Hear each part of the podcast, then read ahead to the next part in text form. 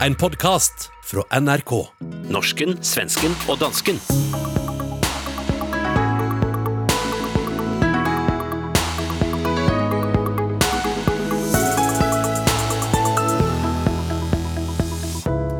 Svenskene oversvømmes av dritt fra Danmark og føler sig som Europas mobbeoffer.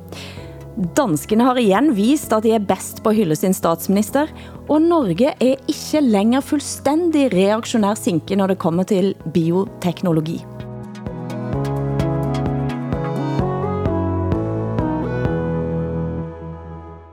Velkommen til Norsken, Svensken og Dansken. Som vanlig i Stockholm, Åsa Linderborg. I København, Hassan Preisler. Mitt navn er Hilde Sandvik i Bergen. Det sägs at Danmark og Sverige har världsrekord i flest antal krig mot varann. Hela 13 stycken har det blitt genom åren, skrev Aftonbladet denne uken, og la til at 200 års fred nu er brudt av en bajskrig. Hvad har skjedd, Åsa? ja, men det är danskjävlarna som har släppt ut 290 000 kubikmeter avloppsvatten. Det vill säga fullt med bajsbakterier. Det motsvarar 200 bassänger. I vattnet alltså, mellan Sverige och Danmark så har de hällt ut det där och vi ser det som en krigsförklaring. 35 miljarder liter, det er en anden måde at sige det på. Vi kan høre her et klip fra juniornyheterna på TV, altså Supernytt i NRK, tilsvarer det. Jag heter Niklas Jonsson och vi ska börja i havet mellan Sverige och Danmark där bråket om bajsvattnet fortsätter. Vi berättade igår om de danska planerna på att släppa ut cirka 200 simbassänger avloppsvatten, alltså bajsvatten där, och planerna har nu stoppats. Men massor har redan släppts ut. Över 35 miljarder liter orenat vatten från huvudstaden Köpenhamn mellan år 2014 och 2018. Och här är vi inte så bra heller. I hela Sverige släpps ungefär 10 miljoner liter avloppsvatten ut i havet varje år enligt programmet Ekot. Oftast händer det här samtidigt som det regnar mycket och avloppen svämmar över. Och det här är såklart inte så bra för allt som lever i havet. Det er vel ikke bare sånn inte så bra for alt som lever i havet, men hva med de som har tænkt at bade for eksempel i sommer? Har du tænkt dig ut i sjøen også i Skåne og omtraktene rundt i sommer? Nej, men jag badar ju aldrig, Hilde. Du känner väl mig, skulle aldrig falla mig in och bada. Men det jag tycker är intressant med det här, det är att det är bara vi svenskar som tycker att det här är äckligt. Danskarna verkar tycka att det är helt normalt. Jag menar, det är deras eh, badstränder också. Är ni, är ni vana med det här på ett sätt som vi inte Sverige är? Eller tycker ni att det är okej okay att man gör så här? Eller känner ni ingen skillnad? Eller hur är det, Hassan? Jamen altså, jeg, jeg må, du har jo ret. Altså, jeg har ikke så mange øh, følelser i forhold til øh, det, som I kalder skit eller øh, baj, bajs, bajs, som jo i virkeligheden er lort. Ikke? Det er jo lort, vi taler ja, ja, om. Lort. Ja. Øhm, jamen altså, jeg, jeg tænker, at... Øh, at øh, jamen, altså, lort er vel en del af naturen, og det opløses og flyder med strømmene igennem Øresund og længere ud i havet, og så giver alting sig selv igen på ny. Jeg, jeg, jeg ved det ikke. Altså det, man kan jo sige, at denne her specifikke situation adskiller sig fra tidligere øh, tiders situationer, i og med, at det er en kontrolleret udledning af lort i Øresund. Tidligere har det jo været, som I var inde på før, øh, oversvømmelser eller store mængder regnvand og en belastning af kloaksystemet, der gjorde, at vi var tvunget til det her. Ikke? Nu er det jo en kontrolleret udledning. En pøse det ud mod danskene, mod svenskene, rett og slett. Og grunden til, at ja, altså den officielle grund, det er, at vi er, har gang i et stort byggeri uden for København og derfor øh, så er vi nødt til at lukke for den her spildevands øh, ledning i en periode, og så har vi intet andet valg end at udlede lort i Øresund. Det er den officielle grund. Altså, det kan jo godt være, at der ligger en underliggende, enten erkendt eller uerkendt grund, som handler om et gammelt, gammelt had til, øh, til Sverige. Altså, Um... Jag skulle, om jag var du Hassan, eller om jag var dansk, då skulle jag ju vara mer upprörd över att Sverige har Barsebäck precis placerat det precis vid Köpenhamn ungefär. Alltså snacka om utsläpp ifall det skulle hända någonting. Jo, men, men man kan også sige, hvad hjælper det at blive oprørt over Barsebæk? Måske er det bedre at nyde hævnen som en kold ret. Barsebäck, du må forklare dette. Hvad er det som har skett? Barsebäck, det är ju ett, ett jättestort eh, kärnkraftverk. Eh, Eh, och under hela 80-talet så var, och 70-talet så var det en stor... Danskarna var väldigt arga på att Sverige hade placerat någonting så farligt precis i närheten av Danmark. Eh, och svaret här nu 30 år senare kanske är det här bajsvattnet, tänker jag. Det tog ett tag för danskarna att fundera över hur de skulle svara på men det er, jo en, det er jo en fantastisk hæv. Det er jo en fantastisk hævn, ikke? Altså, øh, det er jo en meget organisk hævn, kan man også sige.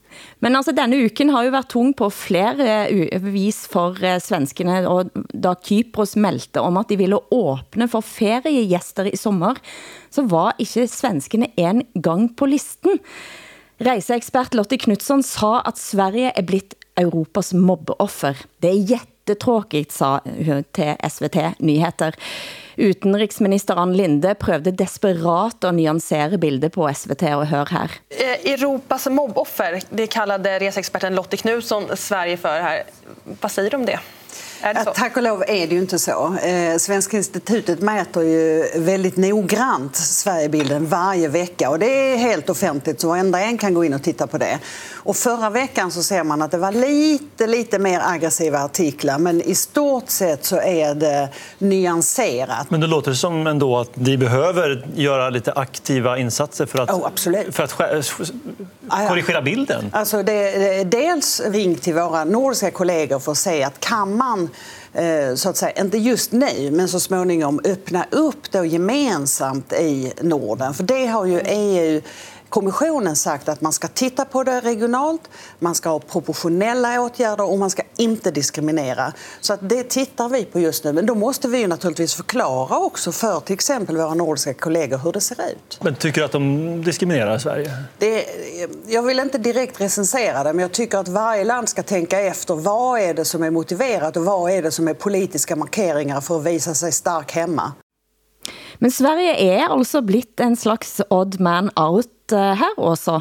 Eh, hvordan er den diskussionen og internt i Sverige? Begynner man at bli lidt mer eh, kritisk mot den linjen som svensken har valgt i coronatiden? Absolut, och nu börjar även de som tidigare har försvarat den svenska linjen, nu är de plötsligt efterkloka och säger att det här var väl inte så bra och det råder kaos och, och sådär. Jag tycker att det är jättespännande rent psykologiskt att Sverige som alltid varit bäst i klassen, bäst i världen, som alltid uppfostrat alla andra, vi är så stora och stöddiga, vi är alltid moraliskt rätt. Och så, så plötsligt så betraktar man oss på ett annat sätt. Att, vi, att det är faktiskt Sverige den här gången som har gjort fel. Och eh, jag kan förstå om man inte vill ha svenskar in i sina länder eftersom vi fortfarande har så höga dödstal och så höga smittotal. Det är spännande att se vad som händer med vår självbild, tänker jag.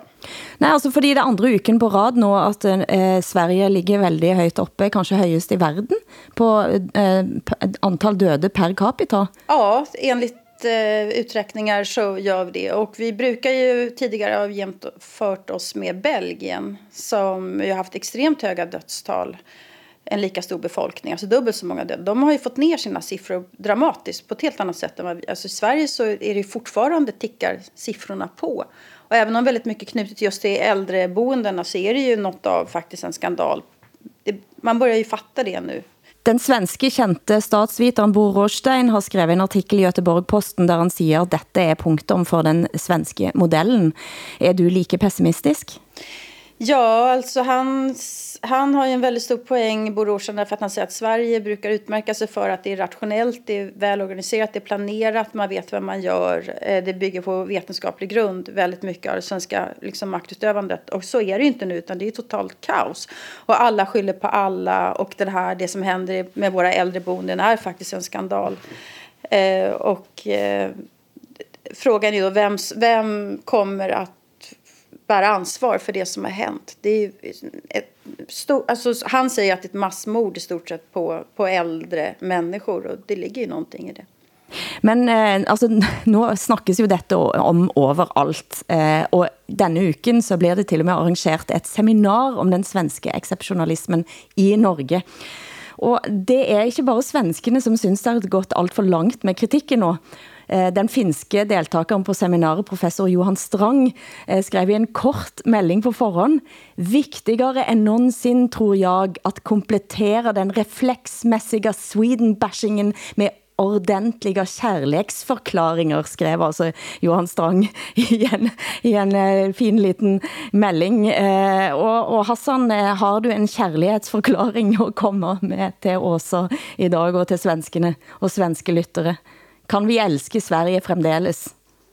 Ja, naturligvis kan vi det. Altså især når Sverige nu mobiliserer et, uh, et klædeligt niveau af ydmyghed. Uh, jeg, jeg tror, at lige præcis ydmygheden kan gøre, at vi igen kan elske vores svenske naboer, som vi bør elske dem.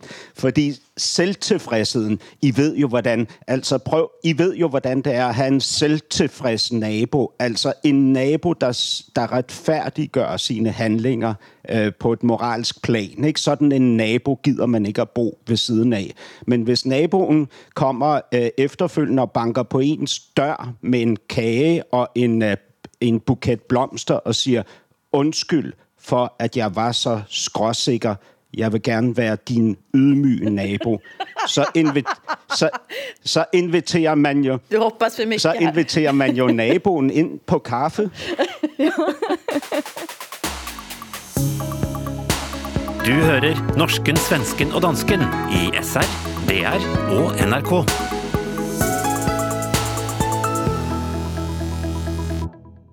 Men altså, uanset hvad vi eh, siger om dette, så har vi ikke Kim Jong-un, hverken i Norge eller Sverige. Vi har snakket om det før, Hassan, eh, og nu er det på tide igen her. Dette klippet vi skal spille nu er fra 21 søndag på DR, som satte fyr under det svenske, danske twitteriatet. Mette Fredriksen er på en genåbningsturné på en barneskole i Aalborg. Eh, og hør hvordan det hørtes ut. Hej, hej. Åh, det er så mærkeligt, man ikke giver hånd. Et par dage inden forhandlingerne tager Mette Frederiksen ud i landet for at møde danskerne. Der står de. Folk tager godt imod statsministeren. Hvor er det En rose til en rose. Ej, hvor er du sød. Opbakningen er til synlædende stor her i hendes valgkreds i Aalborg.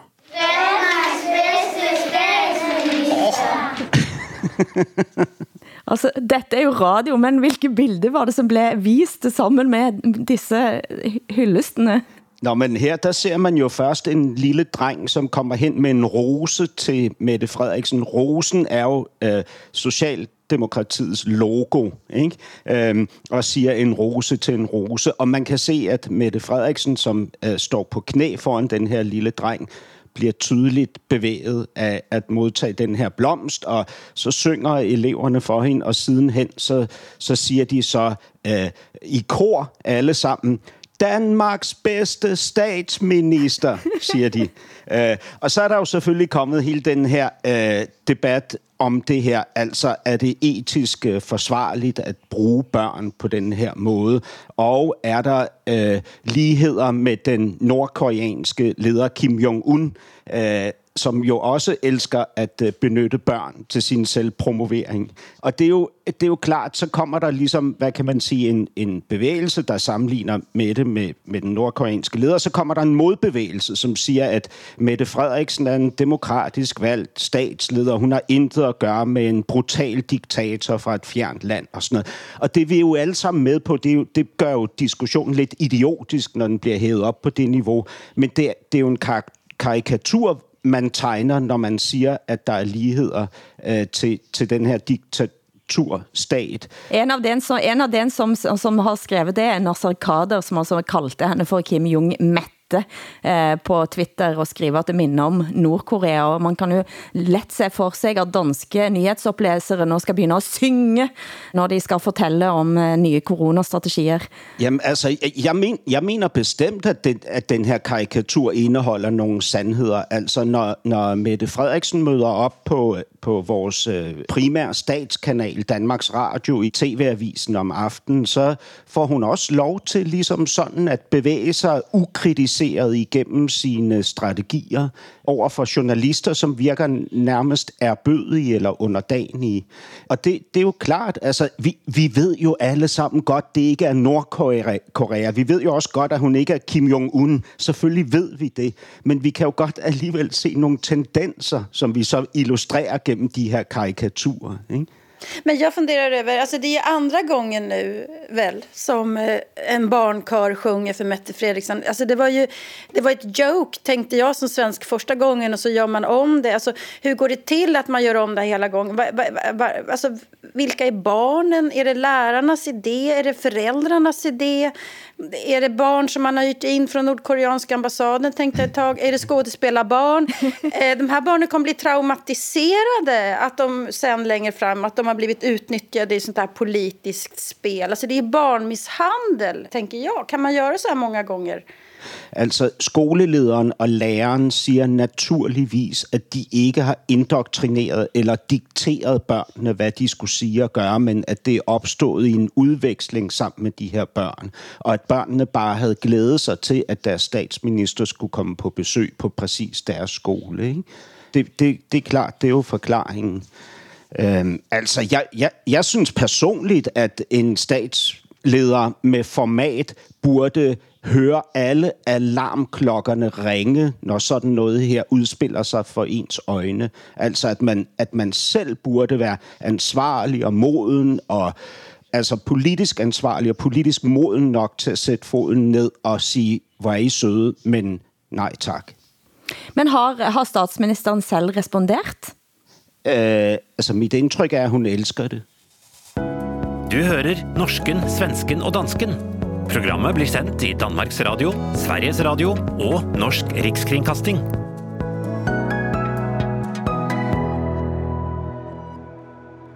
Vi kommer ikke utenom den største norske politiske saken denne uken, eh, da Stortinget stemte over utkast til ny bioteknologilov. Norge, som har i flere tiår været mest restriktiv i Skandinavia, begynder nu at nærme sig de andre. Det betyder at i Norge så har man nå har enslige kvinder mulighed til at få ægdonation. Dette går på grænser for ultralyd eh, og for screening, og har været altså en politisk kamp i flere eh, tiår. På Dagsnytt 18 denne uken så forklarte Marie Simonsen, kommentator i Dagblad, bioteknologilovens norske politiske historie, og hvorfor den har kunnet blokeres av ulike småpartier. Du har jo fulgt eh, denne bioteknologiloven siden Dagfinn Høybråtens tid som statsråd. Eh, Marie Simonsen sa du til oss i dag. Det begynner å bli en 20 års tid. Eh, det... Da var det jo en slags uheldig allianse mellom KrF og SV som, som først innførte det Dagfinn Høybråten da skrøt av som mest restriktive biotekloven i hele Europa. Det hadde han rett i.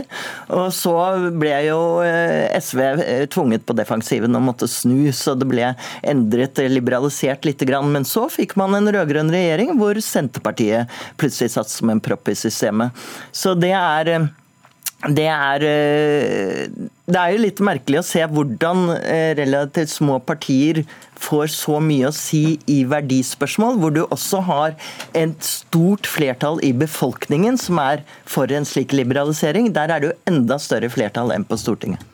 Ja, her har altså Norge haft, eh, været en slags sinke i klassen, da, men hvordan ser de diskussioner ut i Sverige og Danmark? Også mm, diskuteres eh, biotek på högt politisk nivå? Nej, det gör det faktiskt inte. Men jag har, jag har två frågor här. Men den första är till dig, Hilda. Här. Alltså, som svensk lyssnare undrar, är, stämmer det alltså att 1974 så gick Socialistisk Venstre tillsammans med Kristelig Folkeparti och stoppade rätten till fri abort? För en svensk, för, för den svenska vänstersidan är det, eh, svenska radiolyssnare tror jag hoppar högt här. Va, va, va, hur tänkte eh, socialisterna då? En av grundene til det er nok også at du har haft eh, ganske stor andel kristensocialister, og, de, og som har haft ganske som stor betydning. Eh, vi, kan, vi har faktisk hentet frem et klipp fra skolefjernsynen om norsk 70-talsfeminisme og abortlovendringen som blev foreslået i altså 1974 og stemt ned av blandt andet SV og KRF. Og her kan du høre hvordan SV's, altså Otto Hagelin og Hans Olav Tungesvik fra KRF argumenterte den gangen. Vi holdt på i Stortinget også uh, satt i stortingskafeen med representanten for SV, som gikk mot selvbestemt abort, enda partiet hadde gått til valg på det. Mitt standpunkt uh, er da det at jeg av samvittighetsgrunner ikke kan stemme for et forslag om selvbestemt abort. Vi skal organisere aksjonsgrupper i alle byer, bygder og grender utover hele landet. Men det mest aktuelle nå er jo å hindre at det i Stortinget kommer et vedtak som fører til, fri, til selvbestemt abort i landet. Kirkens høye herrer har sin egen moral. Aller først var det legen Gro Nylander, som stod på stand en gang på 70-tallet. Det du spørger om også er interessant, fordi det siger nogen ting også om, hvor Norge står i andre værdispørgsmål, og Nordmenn er altså væsentligt mer skeptiske til selvbestemt abort og likekjønnet ægteskab end indbyggere i andre land nordvest i Europa. Da den uafhængige tankesmia Pew Research Center undersøgte værdispørgsmål i Europa, så kom Norge konservativt ut. Eksempelvis så siger 19% af nordmænd, at religion er svært vigtig. I, I Sverige så ligger andelen på cirka 10%, mens i Danmark på 8%. Og det er en kombination av både at den har et stærkere centrum-periferi, at småpartierne betyder mer, at den har værdikonservative i partier som både Centerpartiet, Socialistisk Venstreparti, KRF selvsagt, men også en ganske stor andel i partiet Høyre, som på mange måter har blokeret den, den debatten i, ja, altså i flere tiår. Ja, det er vildt nok. Altså, øh, siden 2005, tror jeg det er, har, har sæddonation, ægdonation, dobbeltdonation og kunstig befrugtning været tilladt i Danmark. Øh, man må også i Danmark fungere som øh, rugemor eller donormor. Øh, det eneste, der, og du må også gerne tage penge for det, det som er ulovligt i Danmark, det er, hvis du fungerer som mellemmand. Altså hvis du ligesom promoverer øh, en enten en forælder, der ønsker en rumor, eller promoverer en rumor, der gerne vil stille op. Den diskussionen har vi i Sverige også. Ja. Og det er faktisk kun, når vi, når vi når hen omkring det her med, med at fungere som donormor, det er faktisk kun der, at jeg, at jeg personligt kan se nogle etiske dilemmaer, øh, som, som man skal forholde sig til, og som vi faktisk ikke i lovgivningen lovgivningen i Danmark rigtigt har forholdt os til. Og det gør, at der faktisk er mange danske par, som ønsker en don, en rumor, en surrogatmor, som tager til USA, fordi der er det danske par, det danske forældrepar, sikret juridisk. Det er man ikke i Danmark. Men altså den konservatismen, den har jo gått frem i Norge længe. Altså da Norge fik sin første bioteknologilov i 1994. Helt siden det så har altså assistert befruktning været forbeholdt par som lever i ægteskabslignende forhold. Det er konservativt, så ni er i Norge. altså det har været altså, forbudt for single kvinder, som der selvfølgelig har rejst i hopetal til Danmark. Eh, eh, men den diskussionen om om, om det barns ret til at vite sitt ophav. Altså barns ret til at vite, hvor, hvor, hvor sæden kommer fra. Jag är kluven till det där, för det är ganska många barn som, som genom årtusenden aldrig har fått veta vem som är pappa. Mm. Jag kan förstå barnets behov, kan jag förstå, men, men jag tycker det är en svår fråga det er ohistorisk på något sätt att säga att det här är ett problem, som dyker upp nu. Men det är ju också något med, med den där religiös kristne betraktningen av livets ukrænkelighed, ikke? Altså, øh, fordi der er jo flere niveauer i den her lov. Det er jo også noget med, at man i Norge begynder at tillade ultralydsscanninger, forskellige øh, gentests og sådan, ikke? Og der advarer man i Norge, så vidt jeg har forstået, mod danske tilstanden. At det er det, man frygter simpelthen en form for... Øh, hvad kan man sige... Uh... Sorteringssamfund er det, som bliver brugt som et som begreb.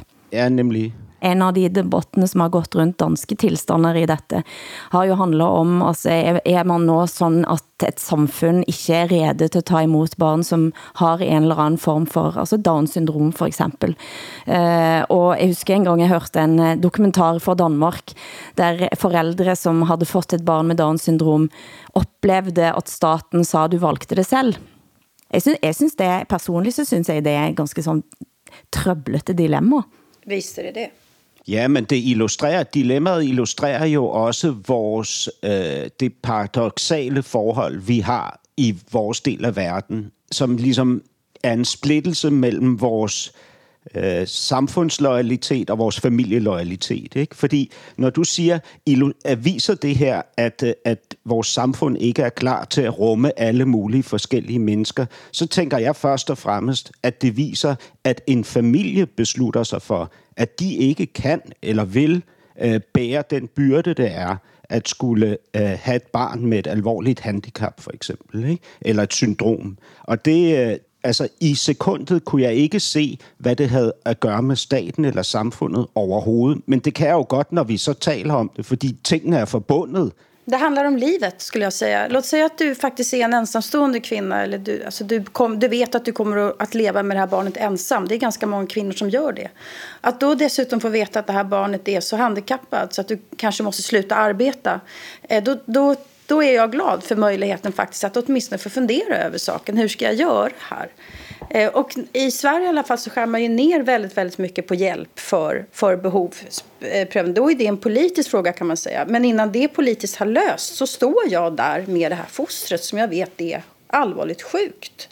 Eh, det är någonting annat tycker jag att sortera bort eh, barn på grund av kön som man gör i Kina eller någonting sånt där. Men alltså det finns, det här är man har makt över liv och död. Så är det. Så, så långt har, har vetenskapen kommit eller våra, våra moraliska beslut har liksom kommit så långt. Og vi tar jo den beslutningen hver eneste dag, altså at man går til lægevidenskapen med andre problemstillinger. Hvis man har en, en øh, hvad kan man sige, en fundamental øh, forståelse af, at livet er ukrænkeligt, fordi det er givet os af noget andet øh, så er det jo svært at gribe ind. Det er klart, og det forstår jeg udmærket godt. Jeg er sådan set helt med på det. Ikke? Jeg indeholder ikke selv den øh, opfattelse af livet.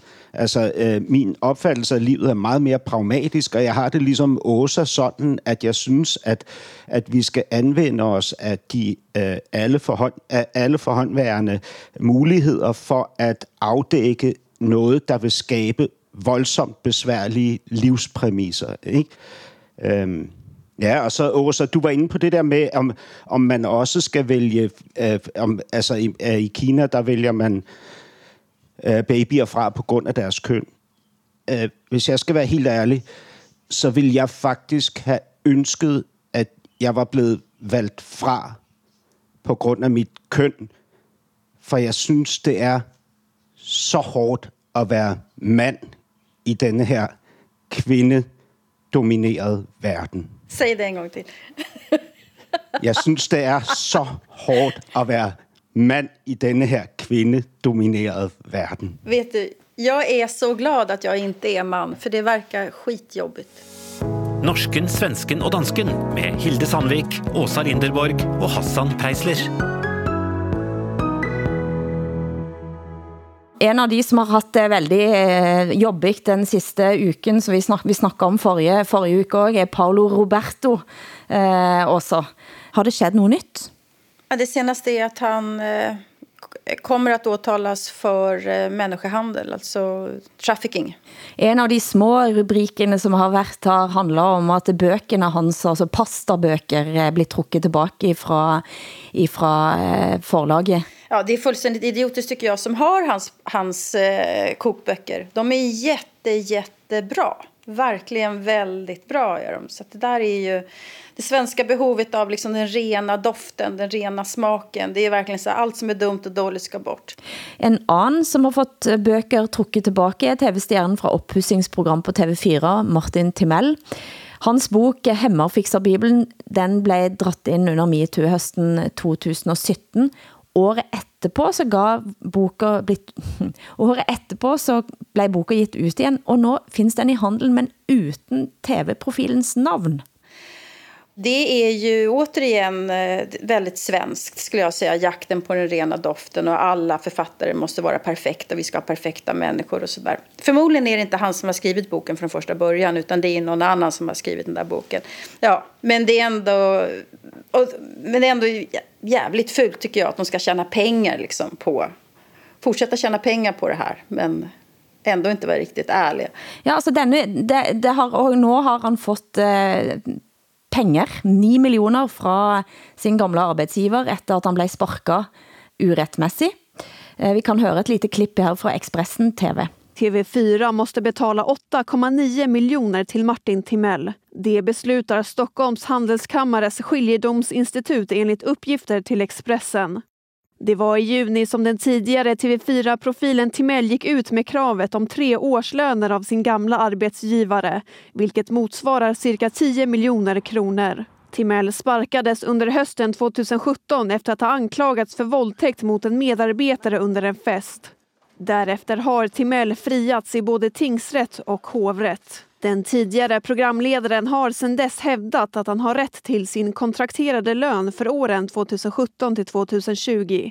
Både Martin Timell och hans advokat säger att de inte kan kommentera utbetalningen i nuläget. Och den biträdande generalsekreteraren på Stockholms handelskammares skiljedomsinstitut vill varken bekräfta eller dementera uppgifterna. Hon säger att hon inte kan prata om några av skiljedomsinstitutets mål eftersom det råder sekretess på alla tvister.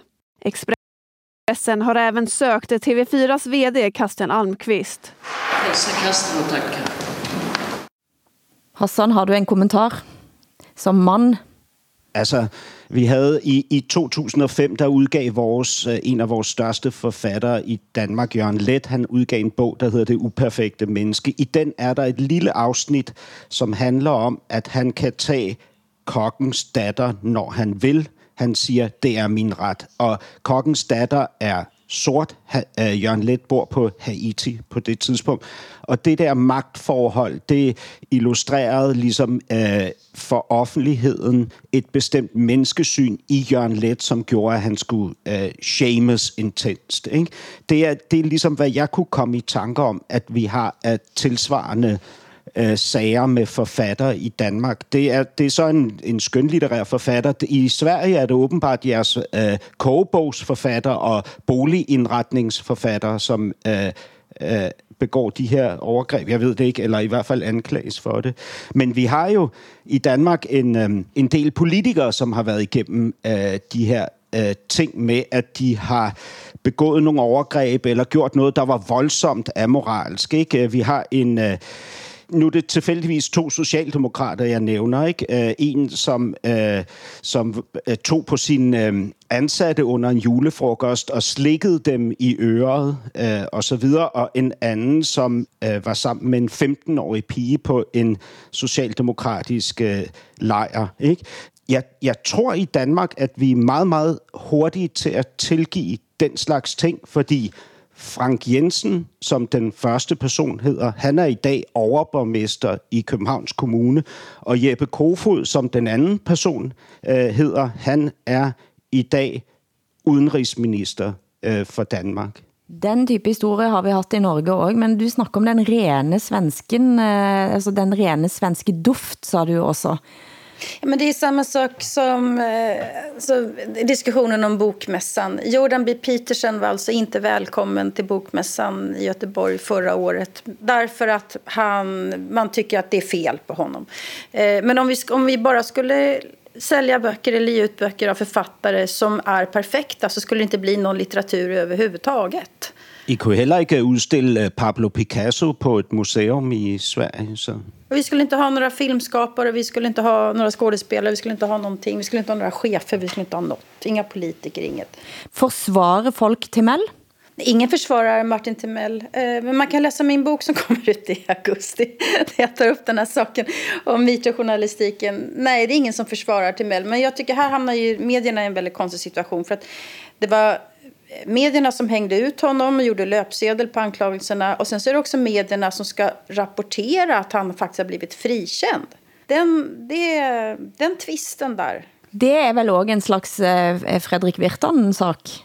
He, nästan hela metoo-projektet liksom har ju landat i det där.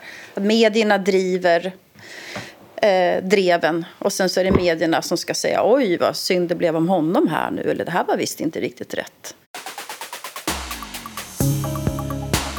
Du hører norsken, svensken og dansken i SR, DR og NRK.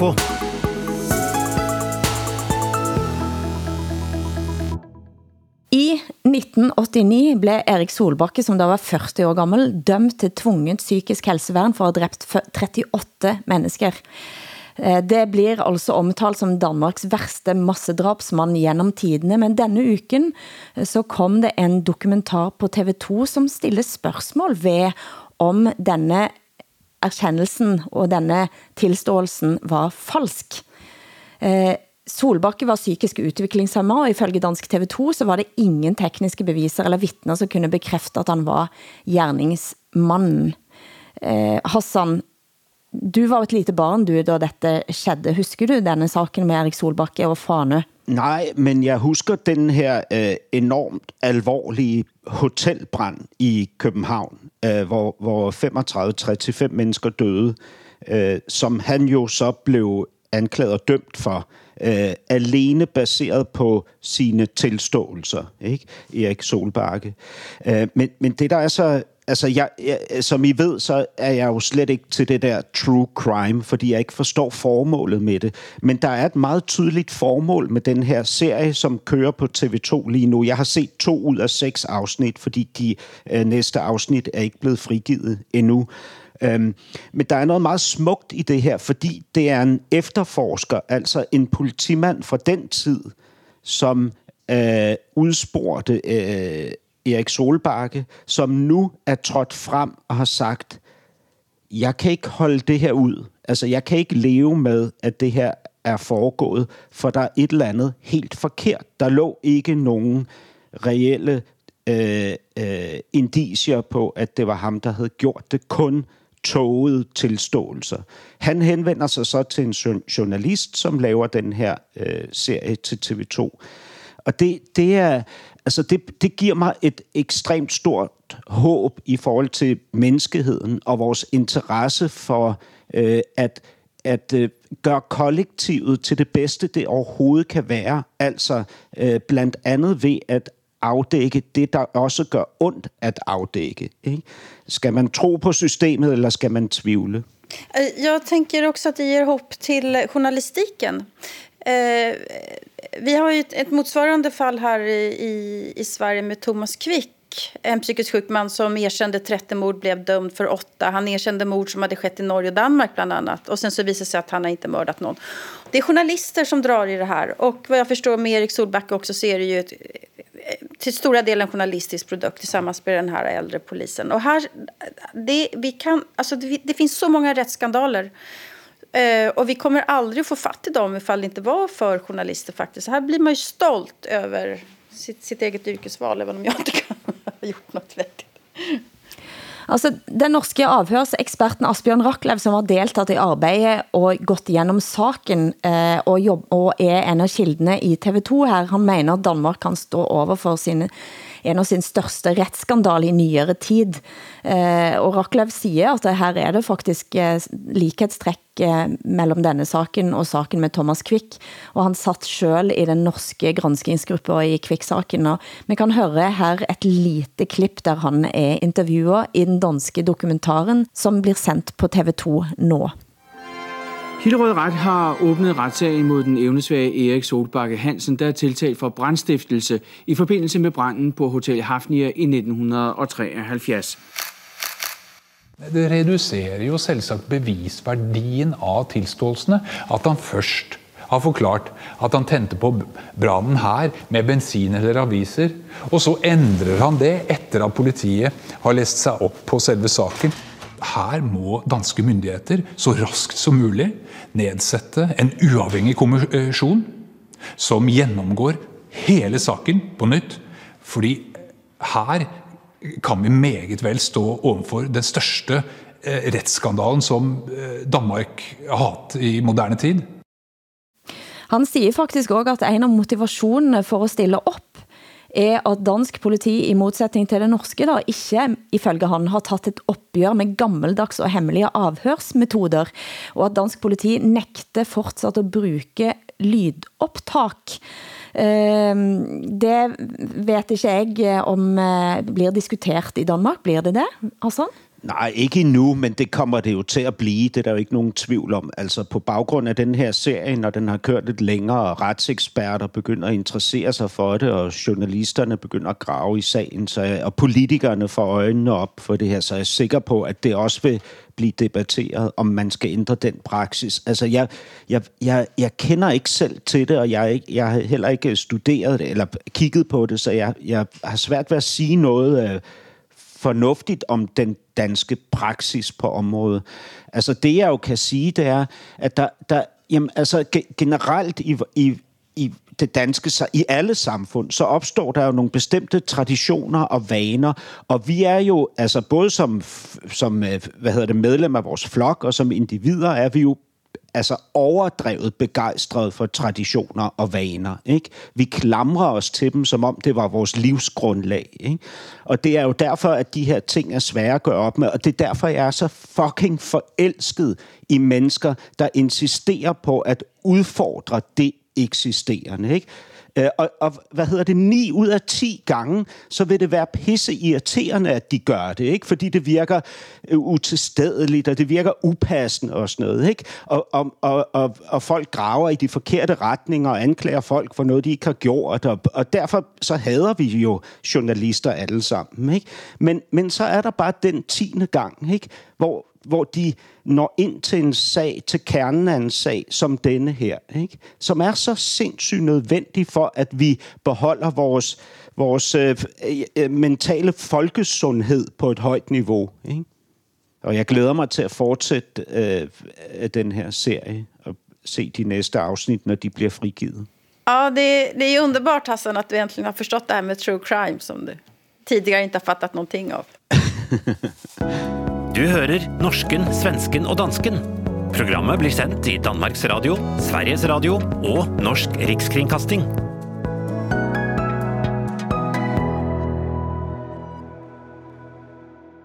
Den 25 år gamle norske arkitektstudenten Alexander Årsted blev hånet på gaten av den kjente danske skuespilleren Ali Sivandi for at klæde sig i kjole og ha skæg.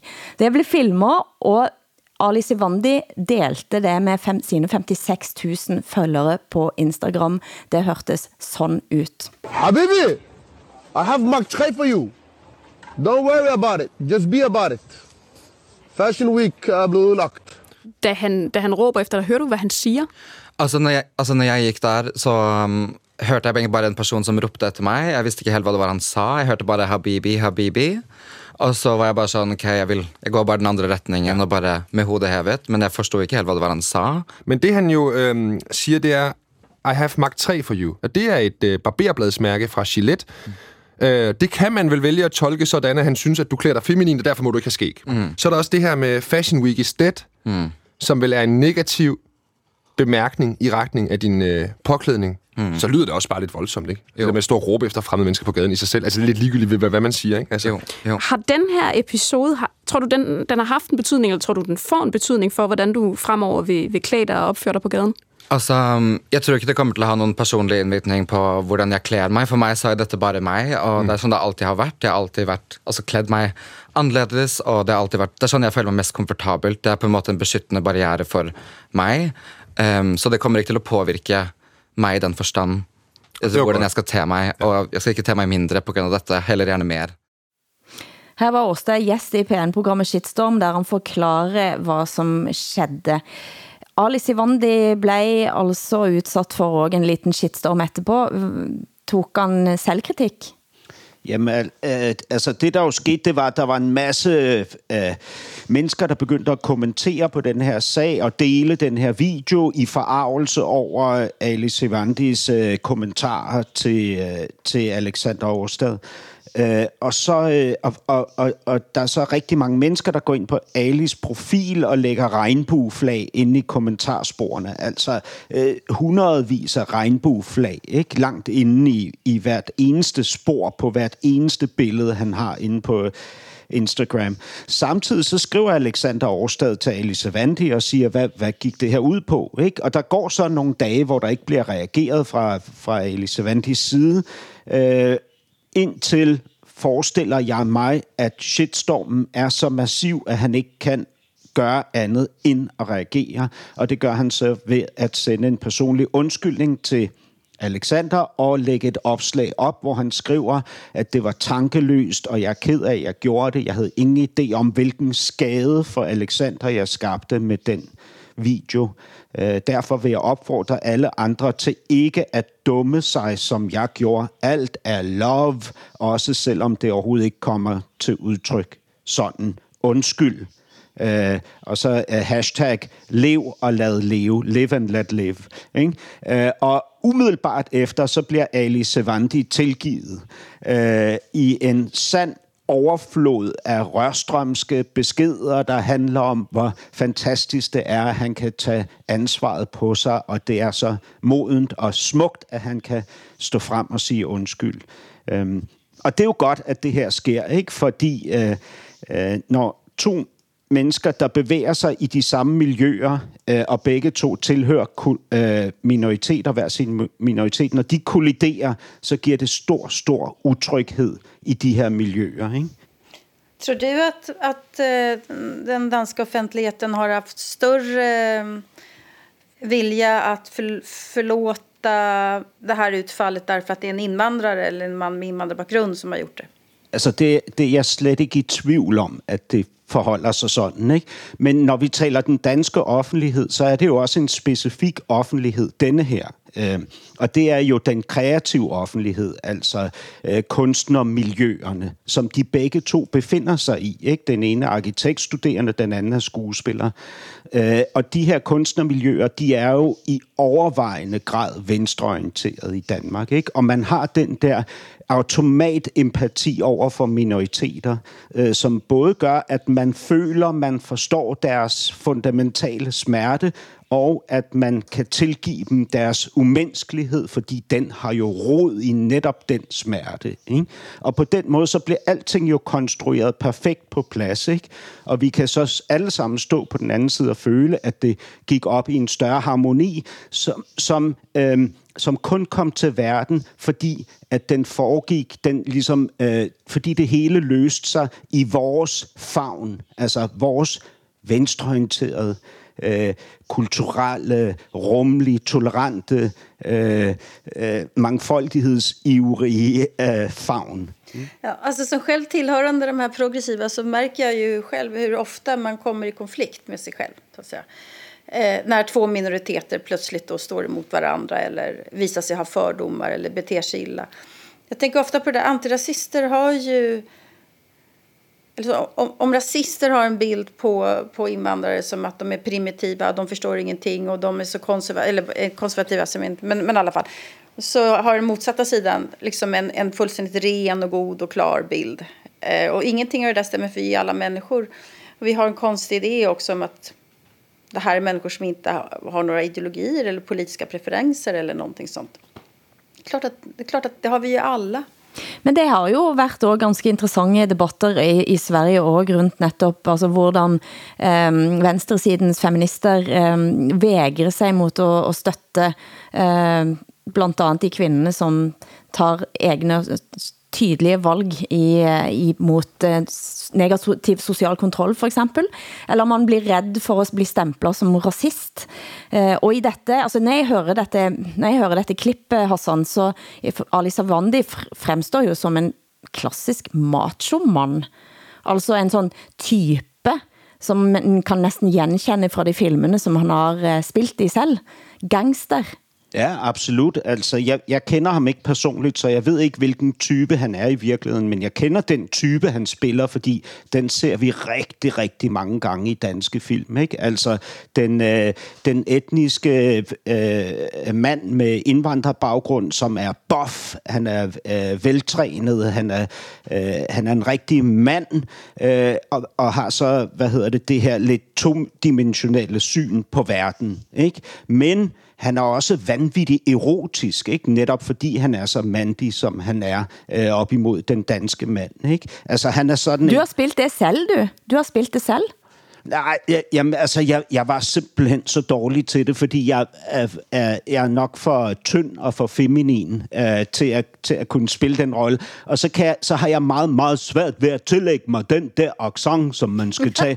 Det, jeg fungerer ikke godt, når jeg gør det. Altså, jeg bliver, jeg, det er fordi, det, du kommer fra, du kommer ikke, du kommer fra øh, whiskybæltet, du kommer ikke fra Nørrebro. Jeg kommer fra det Ja, ja, jeg kommer fra Ordrup, det kulturelle whiskybælte, helt klart. Øh, men, men altså, det vi, jo, det vi jo ikke tager fat i, det er jo, øh, øh, altså som vi overhovedet ikke vil røre ved, det er jo de her kollektive syn på køn, som man kan have på grund af kultur. Altså, øh, som Åsa var inde på, så vil antiracisterne ikke acceptere den kulturelle påvirkning af synet på køn. Ikke? Øh, og, og, og så kan vi ligesom, øh, ja, så kan vi sige, at det var en, en enkelt svipser, ikke? Men, men prøv at høre, jeg bor på Nørrebro, ikke? Jeg har boet fem år i Beirut, Libanons hovedstad, ikke? Jeg har været i massiv kontakt med øh, mænd fra øh, øh primært arabiske, øh, med arabisk baggrund, men det kunne også være pakistansk eller somalisk, ikke? Og der er altså fundamentalt set et anderledes syn på det at være mand, som øh, jeg er op, øh, end, end jeg er opvokset med her i Danmark. Ikke? Og det handler om øh, stoiskhed, stolthed, om øh, hvad hedder det, store biler, øh, store uger, om, øh, om hvad hedder det, et, altså et, også et bestemt syn på kvinden, ikke? Og det er ikke individuelt, det er også kollektivt, ikke? Jeg siger ikke, at alle har det sådan. Jeg gider ikke engang at sige, at jeg, at jeg siger, at det ikke alle har det sådan.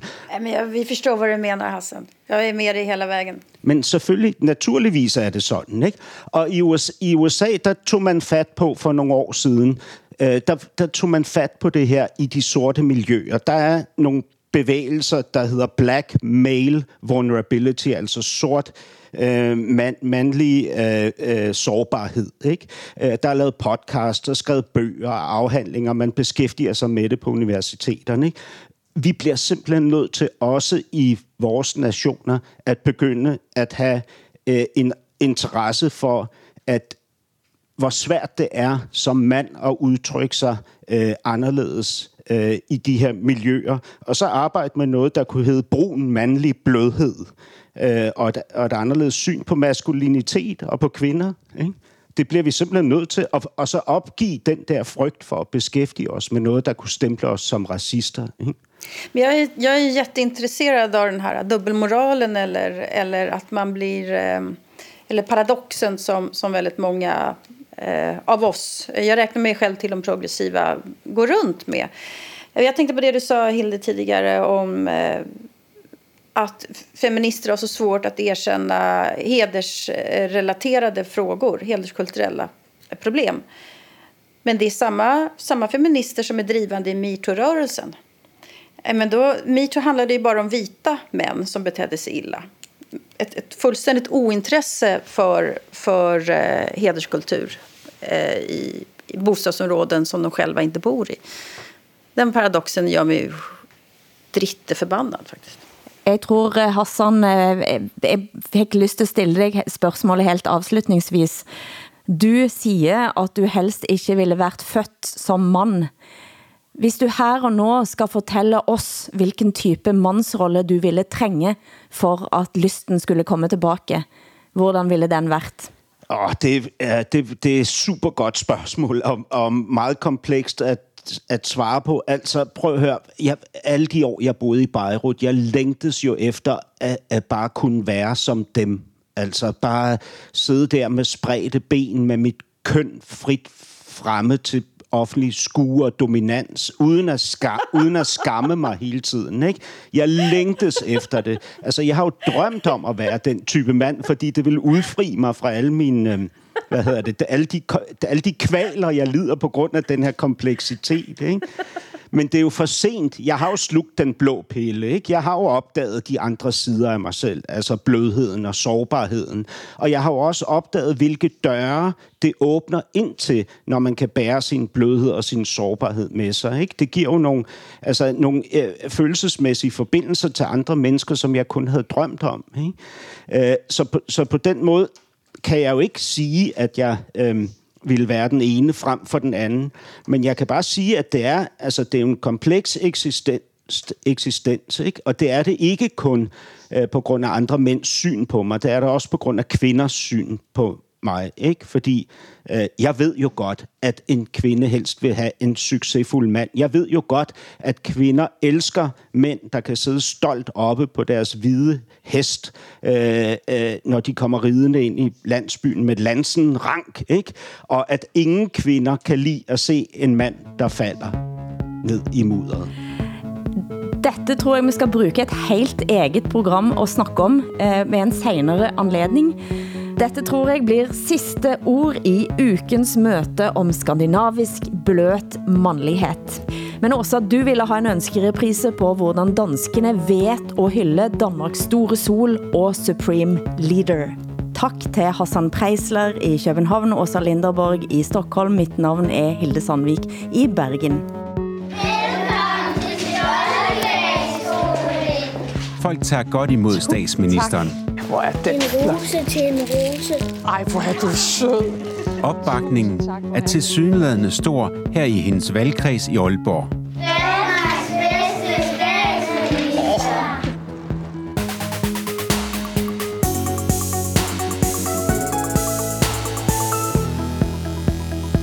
Du har hørt en podcast fra NRK. Hør flere podkaster og din favorittkanal i appen NRK Radio.